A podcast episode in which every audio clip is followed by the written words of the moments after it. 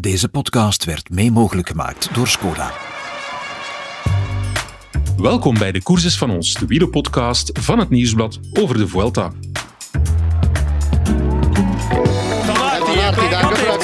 Het is los. Here There he goes goes. Pogacar now, big attack. Van Aert, die het moeilijk heeft hoor in dat wiel van Van der Poel. Explosion de Remco van der Poel. Here goes the attack.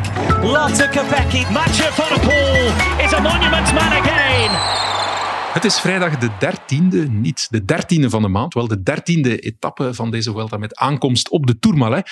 En voor Remco Evenepoel heeft de dertiende zijn reputatie waargemaakt. Jammer genoeg, hij is door het ijs gezak, mogen we jammer genoeg wel zeggen.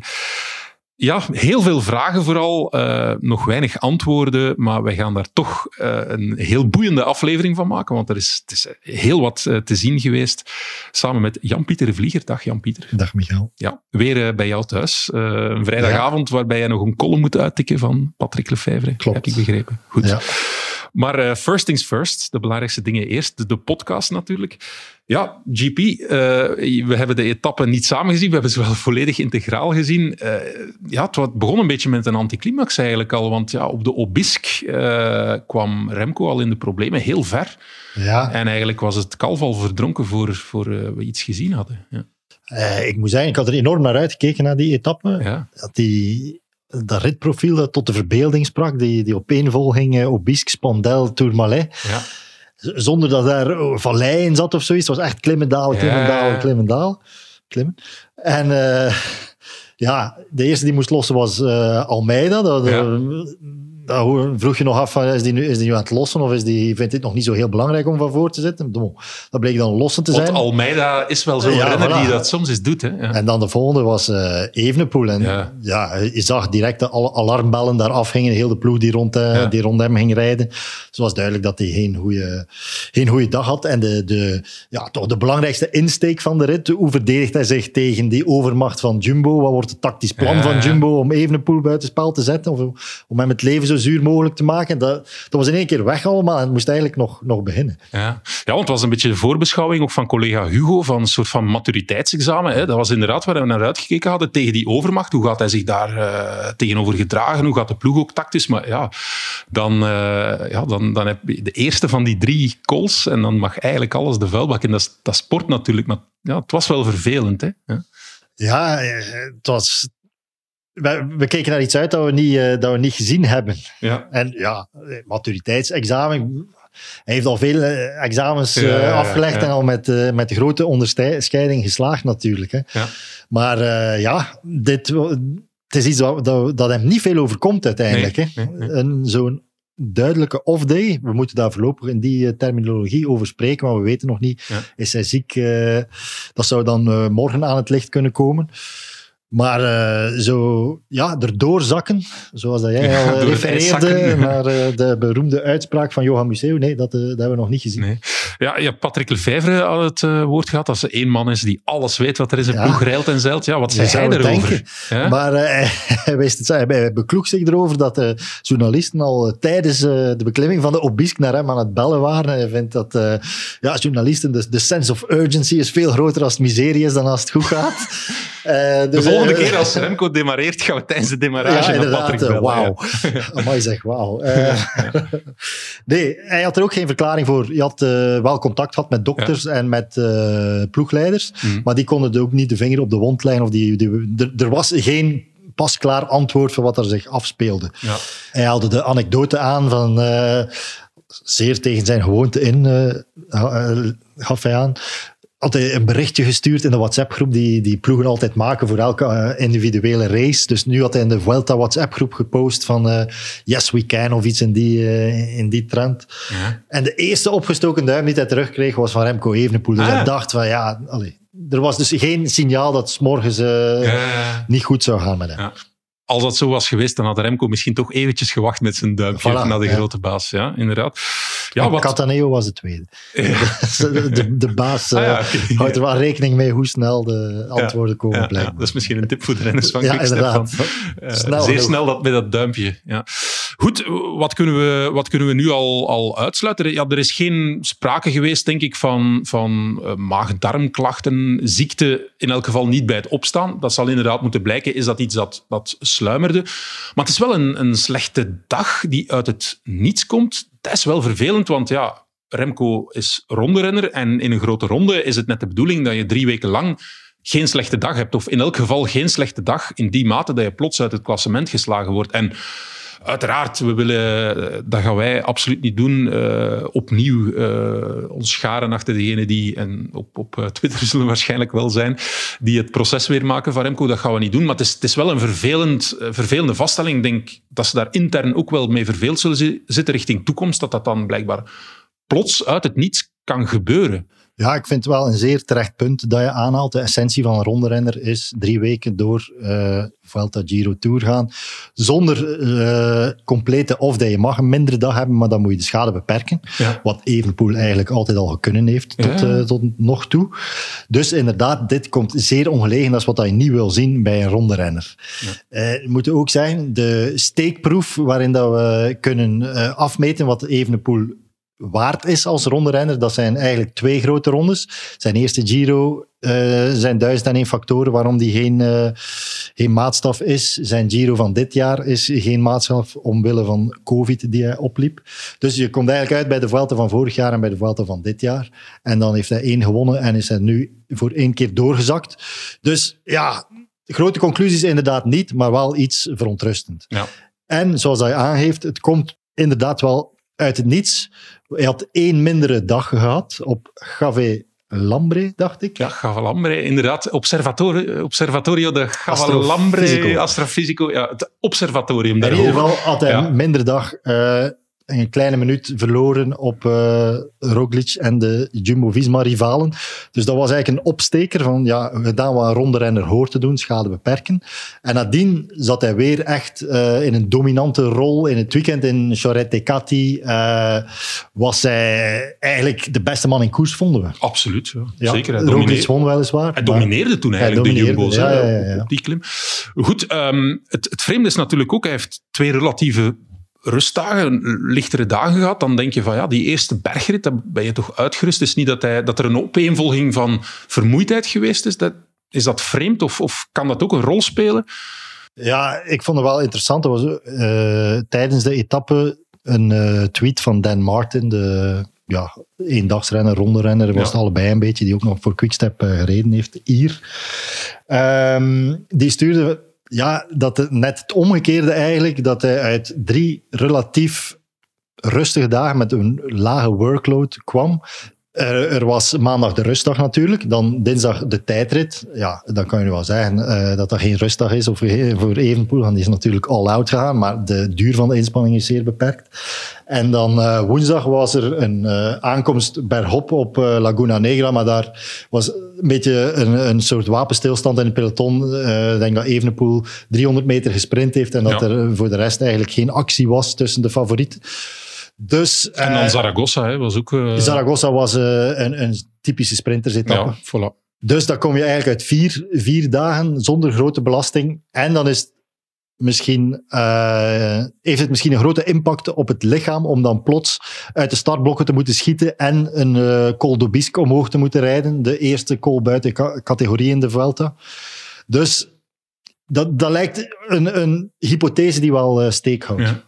Ja, het zal zeker iets zijn, denk ik ook, wat ze intern zullen bekijken. Hè. Ze zullen nu gaan onderzoeken van ja, hoe komt dat om dat te vermijden. En inderdaad, dat kunnen ze bij uitkomen. Ja, je hoort het vaak ook de dag na een rustdag, hè, dat de renners ja, ja, schrikken als er dan een bergrit is. Ja, wat natuurlijk de leken vreemd zouden vinden van oeh, je hebt gerust, ja, dan ben je toch uitgerust ja. voor de bergrit. Maar net het omgekeerde is waar. Er is enorm veel schrik in het peloton op een, een, bergrit na een rustdag. Dus ja. ja. Ja, dat is echt iets waar renners wel heel erg mee bezig zijn. Van hoe vul ik die rustdag optimaal in? Dat, is ook, dat hoort bij ervaring van ronde renners die, die weten dat waar hun lichaam goed op reageert, op welk uh, volume van, uh, van, van training dat ze op een rustdag moeten hebben. En je ziet ook vaak, wat nu het geval is als je begint met een klim, dat renners voor de etappe op de rollen zitten, precies om hun lichaam zo te activeren. Ja, ja. En misschien een bijkomend element is zeker niet dat we groot moeten maken of zo. Maar het profiel van uh, de rit van, uh, van vandaag, met dus die drie calls na elkaar, twee daarvan buiten categorie, dat is iets dat Evenepoel, ik heb wel heel snel bekeken, maar dat is iets dat hij nog niet zo heel vaak voor de wielen heeft gekregen, om het zo te zeggen. Uh, dat zat minder in de Vuelta van vorig jaar, ook niet uh, in de ritten tot nog toe, zonder dat te groot te maken, want er is wel uiteraard al ritten geweest met, die bij een klim beginnen, maar niet zo stijl als de Obisque. Ja. Ja, uiteindelijk verliest hij heel veel tijd. Hè. Hoeveel is het? Ja, meer dan 20 minuten. Zakt helemaal weg uh, in het uh, klassement. Maar voor alle duidelijkheid, de mensen die dat nog niet meegekregen zouden hebben, hij heeft het ook laten lopen hè, op een bepaald moment. Dus het is niet, het is niet dat hij echt zoveel verloren nee, nee, nee. Heeft. Maar ja, ja Klaas Lodewijk sprak met Hugo Korevits, onze collega die in de Vuelta is. En die zei ook wel dat hij moeite had om zijn, uh, zijn ploegmaats te volgen. Zijn ploegmaats die eigenlijk gewoon tempo maakte om hem zo snel mogelijk uh, naar boven te krijgen.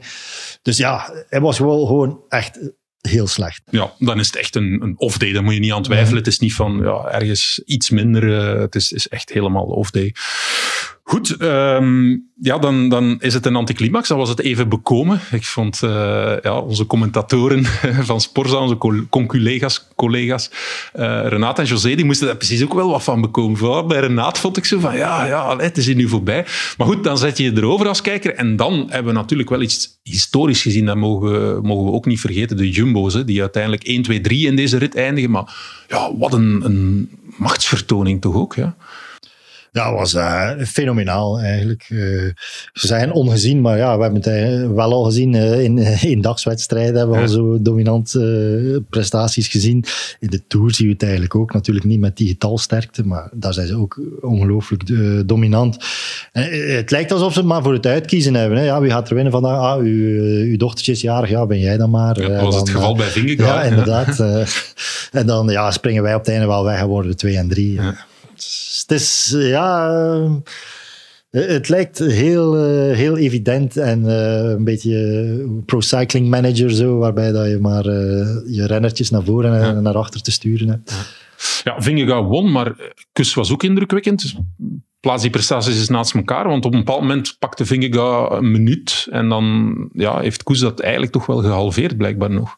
Het was een beetje in verschillende stijl, meer het uh, duurvermogen van Vingegaard. Ja, ja. En dan een ongelooflijke versnelling uit de kopgroep, of de achtervolgende groep achter Vingegaard. Hij werd zelfs nog even gehinderd, ja, gehinderd door de toeschouwer. toeschouwer ja. En dan, en dan zette nog. hij toch weer net zo explosief door. Dat was, ja, die had dus ongelooflijk veel overschot ja. op dat moment.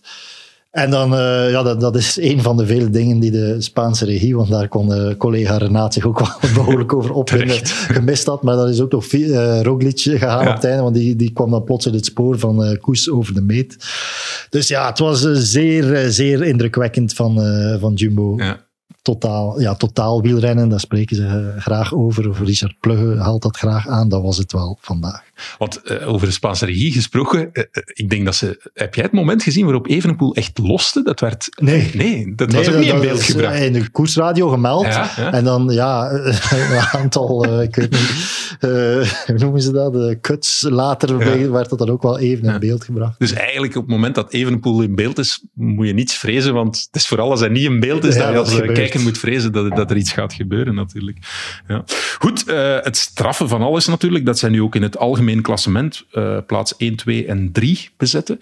Uh, ja, ik was heel even gaan googlen, van, is, dat, is dat al gebeurd? Uh, onze collega van uh, Sportvoetbalmagazine, Jonas Creteur, die is gespecialiseerd in statistieken, die zal het intussen wel al opgezocht hebben, maar ik vond gewoon ergens op Wikipedia in de Tour van 1928, Tour de France, dat dat gebeurd was. En dan collega Werner Boulet, die meldde dat het ook in de Vuelta recenter gebeurd was, in 1966, ja. met drie renners van Cas. Dus het is niet uniek Jonas had het ook op Twitter al gemeld dat van 1966 ah, ja, dus 66 is uh, officieel. Ja. Maar ik had er een heel klein beetje over gelezen tijdens de etappe, over die Vuelta van 1966. En er zijn veel kanttekeningen bij te maken. Er, blijkbaar was, de, was, er wat twijfel of de Vuelta wel zou doorgaan dat jaar. Hm. Uh, Toch geen virus of zo? Ja, wie weet, wie weet, wie weet. Maar er waren bijna geen, of zelfs geen buitenlandse vedetten aan de start. Dus het was een Spaans onderrondje. Cas was aan de ploeg die de, de Spaanse vedetten had had op dat moment. Ja. Dus die, die werden dan eh, 1, 2 en 3 en die hadden zes renners bij de eerste zeven. Ja, oké. Dus even in perspectief plaatsen, deze Vuelta. Het is wel straffer natuurlijk. Je gezin is net als een wielerploeg. We moedigen elkaar aan. En we weten dat we met de tips van onze ploegleider we alle kansen hebben om echte kampioenen te worden. Skoda, supporter van de grootste fietsfamilie. Ja, Jan-Pieter is de Vuelta nu gereden. De dichtste achtervolger op die jumbo's is eh, Juan Ayuso. Eh, die staat op 2,37. En ik had toevallig nog de re- reactie van Almeida op televisie gehoord. Heel snel uitgetikt ook, om de mensen, eh, de collega's op de redactie een beetje bij te staan. En die zei wel van, ja, ik heb gevochten voor mijn, mijn, mijn plaats nog. eh, maar goed, het heeft niet mogen zijn, ik was ziek. Maar wij gaan wel, ik ga me wel blijven inzetten om met de ploeg, iemand van de ploeg, en dat zal dan Ayuso zijn die nu het speerpunt is. Soler die staat op 3.10, eh Ayuso 2.37 dus. Maar om, om de Vuelta te winnen, zei hij echt van, van ja, we gaan Ja, all ja. in. We zijn, wij, wij gaan niet voor een, hij zei zelfs letterlijk niet voor een derde plaats, niet voor een podium, we gaan all in. Dus blijkbaar, ja, Almeida, die Portugees, die gaat nog wel met het mes tussen de tanden voor Ayuso. Maar geloof jij dat dat nog kans op slagen heeft? Eh, nee, ik, ik denk wel dat de, de Vuelta voorbij is. In de zin, we weten nog niet wie van de drie hem gaat winnen, maar Jumbo-Visma gaat hem winnen. Zonder afbreuk te doen aan Ayuso, want dat is een formidabele, formidabele renner. Eh, die vorig jaar met COVID, eh, ik dacht dat hij vierde werd of zo al, toen al in de Vuelta. 20 jaar, fantastisch talent. Ja. Echt, Nu ook twee, twee dagen geleden gevallen. En ja, Ja, dan zegt men dikwijls, je hebt die reactie, maar ja, kijk. Ja, dat, dat is een, een, toptalent. Eh, veel, veel gelijkenissen met, met Evenepoel. eh, zo ook de, enorm gebeten iemand, blijkbaar. Eh. Dus ja, we hebben het laatste er zeker nog niet van gezien, maar ik denk niet dat hij in staat Nee, is om eh, tegen die eh, drietand van Jumbo iets te ondernemen. Ja. Het is een vraag die de voorbije dagen al werd gesteld. Hè, van, ja, Sepp Koes, kan hij die Vuelta winnen? Is dat nu, is dat nu iets wat... Ja, heeft hij procenten gewonnen? Kan hij die Vuelta winnen voor Jumbo? Hij staat ja, 1,37 voor op Roglic. Ja, ik denk niet dat er iemand nog aan twijfelt dat hij Ja, dat eh, kan winnen.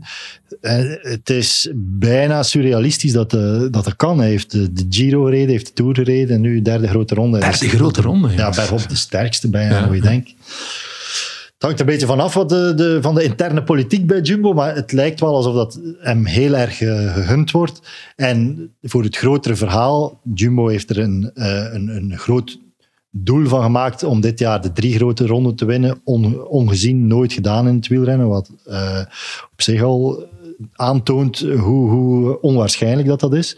Als ze dat nu nog met drie verschillende renners kunnen doen, legt dat voor nog een laag op dat verhaal, vind ik. Ja, En ik kan me voorstellen, Richard Plugge is zo nogal voor eh, legacy en eh, hoe moet je het zeggen, het, gro- het grotere plaatje. Dus ja, voor hem geen bezwaar als uh, Sepp Koes straks eh, in Madrid eh, op het hoogste schavot staat. ja, hun adagium samen winnen ja, staat dan nog meer in, in de verf eigenlijk. Hè. En het benadrukt eigenlijk nog meer dat het de ploeg is en niet het individuele Ja, ja, ja. talent. Trouwens, jij, ja, jij maakte daar net de opmerking ook van ja, die drie renners, die drie toprenners, die, die zijn zij ook ja, zo een beetje op zijn jumbo's gaan halen. Hè. Het is niet... Ja. Ja, eh, ik had eh, begin dit jaar een groot interview in, eh, met Richard Plugge in zijn, eh, in zijn eh, bureau op de servicekoers, indrukwekkende servicekoers van eh, Jumbo-Visma. En eh, het ging een beetje over de boeken in zijn boekenkast en zo, eh, typisch eh, gewauwel om aan voor een interview eh, te beginnen. een van de boeken was eh, Billy Bean en eh, Moneyball, zo het bekende verhaal uit American Football, waar dan eh, Billy Bean, de manager van de Oakland, ik weet niet meer welke Ja, het is een koerspodcast, dus Ja, het wordt je vergeven.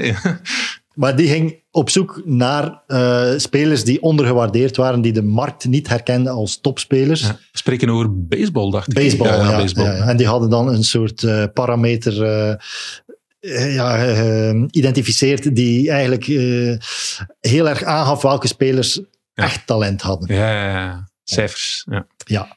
En dus eigenlijk is het een beetje het, hetzelfde verhaal bij Jumbo-Visma, want ze winnen, of ze zijn op weg om de drie grote rondes te winnen met drie renners die niet eh, her- erkend werden door, door het grote wielerpeloton als toptalenten. Eh, we, we zitten met een schansspringer eh, die, die op zijn 25, 26e in de koers gekomen is.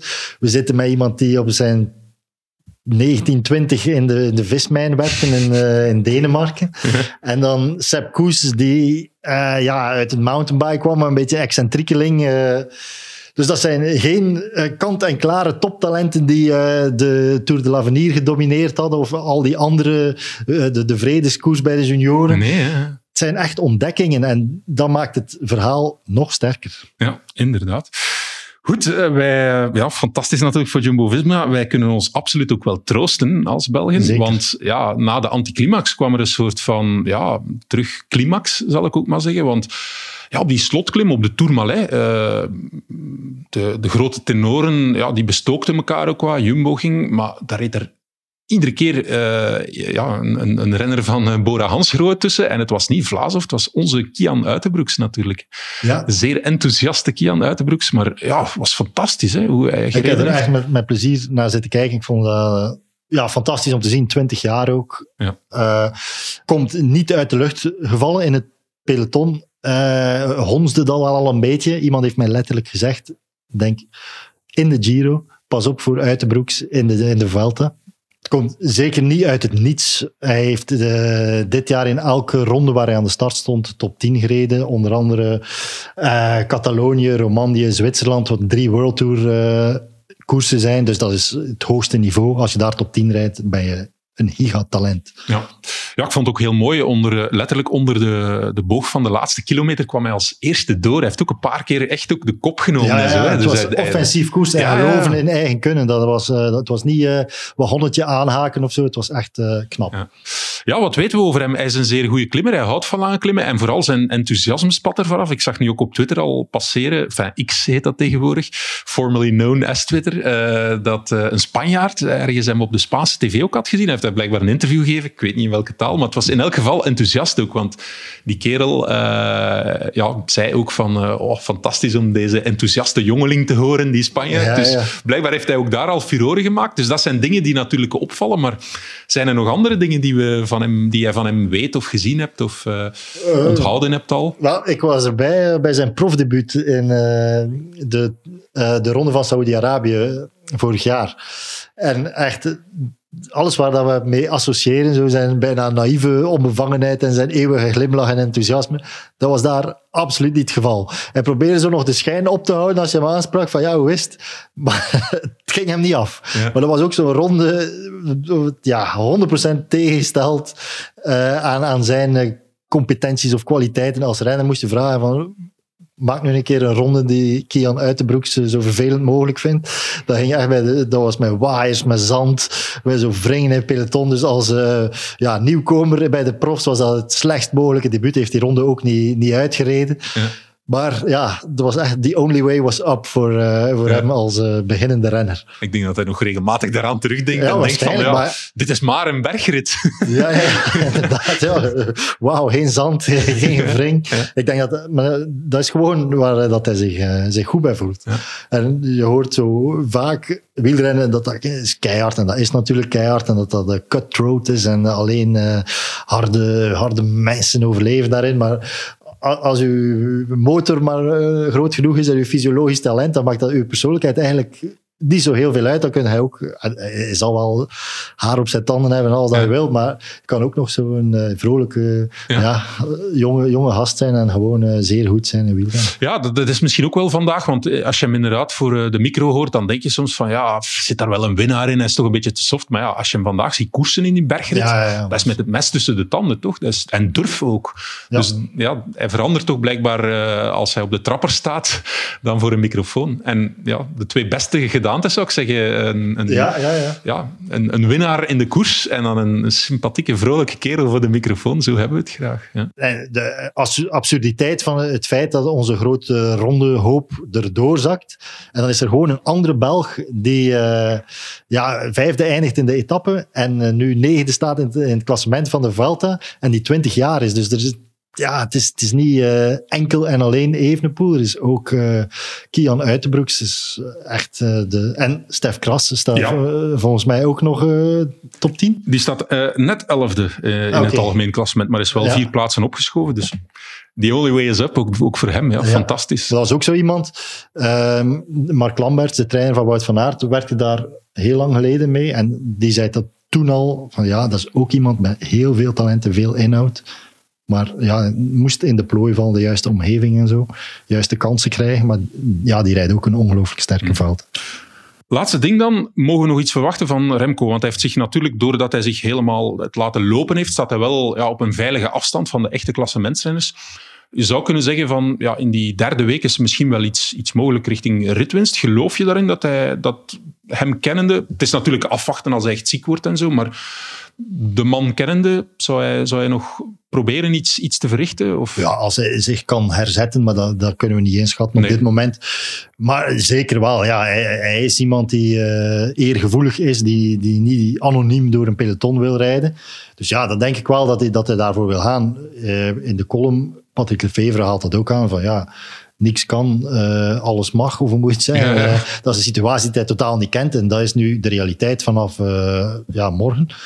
Dus waarom, waarom zou het niet kunnen op voorwaarde dat hij gezond is natuurlijk. Ja. Allee, goed. eh, dat belooft, ondanks deze toch een beetje zwarte dag voor het Belgische wielrennen, het belooft heel veel goeds. We hebben Kian Uitenbroeks om eh, te kijken, Stef Kras. En dan misschien, wie weet, eh, als, hij het, eh, ja, als hij niet blijkt ziek te zijn, als hij zich nog kan herzetten, wie weet nog een Remco Evenepoel in een aanvallende gedaante voor een ritzege. Voilà, goed. Dus we blijven hem zeker volgen, deze Vuelta, ook om de strapatsen van de Jumbo-Visma's te zien en te zien aan wie zij nu eindelijk die, die, uiteindelijk die ronde zullen geven. Wie van de drie wordt het?